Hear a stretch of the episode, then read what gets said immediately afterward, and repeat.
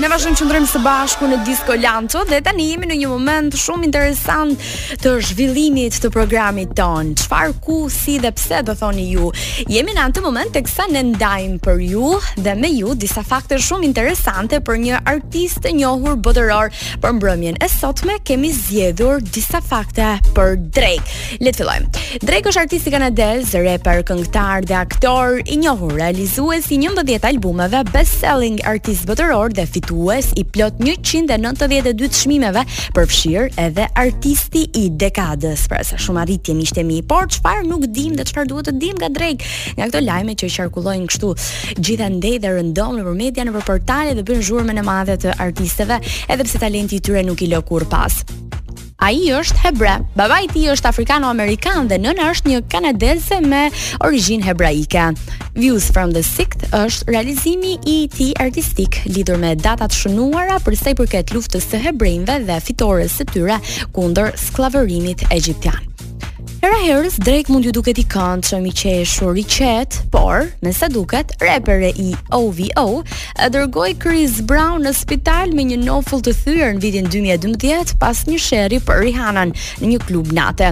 Të dy tani në fakt janë miqësuar, por ky nuk është i vetmi sherr të paktën me personazhe të tjerë të njohur publik që e ka shoqëruar Drake përgjatë viteve të tij intensive të karrierës apo të qenurit i njohur, duke qenë se ai ka patur grindje gjithashtu edhe me Meek Mill apo me Kanye West, kjo e fundit një prej më të famshmeve. Megjithatë, vitin e kaluar ata u pajtuan dhe uh, bënë sërish deals me njëri tjetrin për të krijuar ca marrëdhënie të tjera artistike, por megjithatë sherri do të jetë gjithmonë i mbajtur mend për publikun e gjerë. Ai është një personazh ose hera herës nëpër pyetje të shumta apo nëpër kërkime të shumta nëpër motorë të kërkimit si Google, Safari e të tjerë, kërkojnë nëse ai a është një viktimë e shakave online E realisht është, sepse realizimi i albumit dhe i këngës Hotline Bling uh, e bëri atë një personazh me të cilin u realizuan miliona e miliona meme.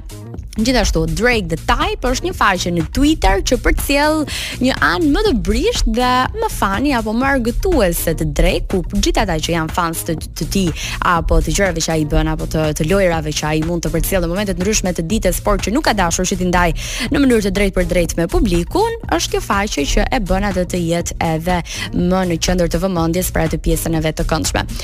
Ka një ves Drake, i vendos gjithmonë vetes objektiva parash pse do thoni ju, sepse ka shumë artistë të tjerë që kanë në fokus famën, suksesin apo pikëpamje të ndryshme të mënyrës se si ata e perceptojnë dhe e inkuadrojnë veten ato gjëra që duan, por në fakt Drake pëlqen të qëllojë për yjet.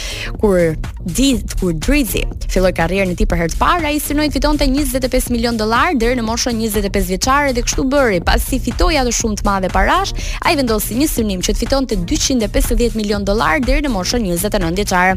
Edhe pse nuk e përmbushi dot këtë qëllim të tij, reperi ende po rrokulliset në pasuri në vitin 2020. Pasuria neto e Drake ishte 150 milion dollar dhe u rendit në vendin e pestë në listën e reperëve më të pasur të Forbes për vitin 2019. Gjithashtu, Ky është një informacion që unë e kam parë nëpër rrjetet e mia sociale, në një live stream para disa kohësh, uh, duke luajtur me mikun e tij në një mënyrë tepër online. Rulet ishte një lojë kazinoje. Interesante, ai fitoi me French Montanën, ishte artisti që ai e kishte këtë sfidë, fitoi plot 24 milion dollar, miqtë e mi. Mirë, ka patur gjithmonë fiksim Nicki Minaj, madje ai ka shprehur dashuri për të dhe jo vetëm fiksim. Në vitin 2009, në vitin 2010 ai pranoi se kishte dashuruar shumë Nicki Minaj dhe tha për MTV se kënga e tij Unthinkable është frymëzuar prej saj. Unë gjithmonë e kam dashur atë, e kam dashur vërtet shumë, por ajo më ka parë gjithmonë si një vëlla të vogël. Edhe nuk e di në qoftë se ju vjen ndër mend kënga në bashkëpunim me Lil Wayne dhe Chris Brown, kur Drake e fillon ka qenë i ri Drake atëherë ta mendoni. Kur ai e fillon këngën duke thënë I never fuck Nicki, but when sepse ajo ka një burrë por pasi ajo të ndahet me të, unë do të jem i pari në line. Tani nuk e dim nëse duke qenë i pari në radhë ai ka arritur diçka se Nicki Minaj që prej asaj kohe dhe prej asaj kënge ka ndryshuar disa partnerë, por ne ia urojmë pse jo këtë dashuri atje.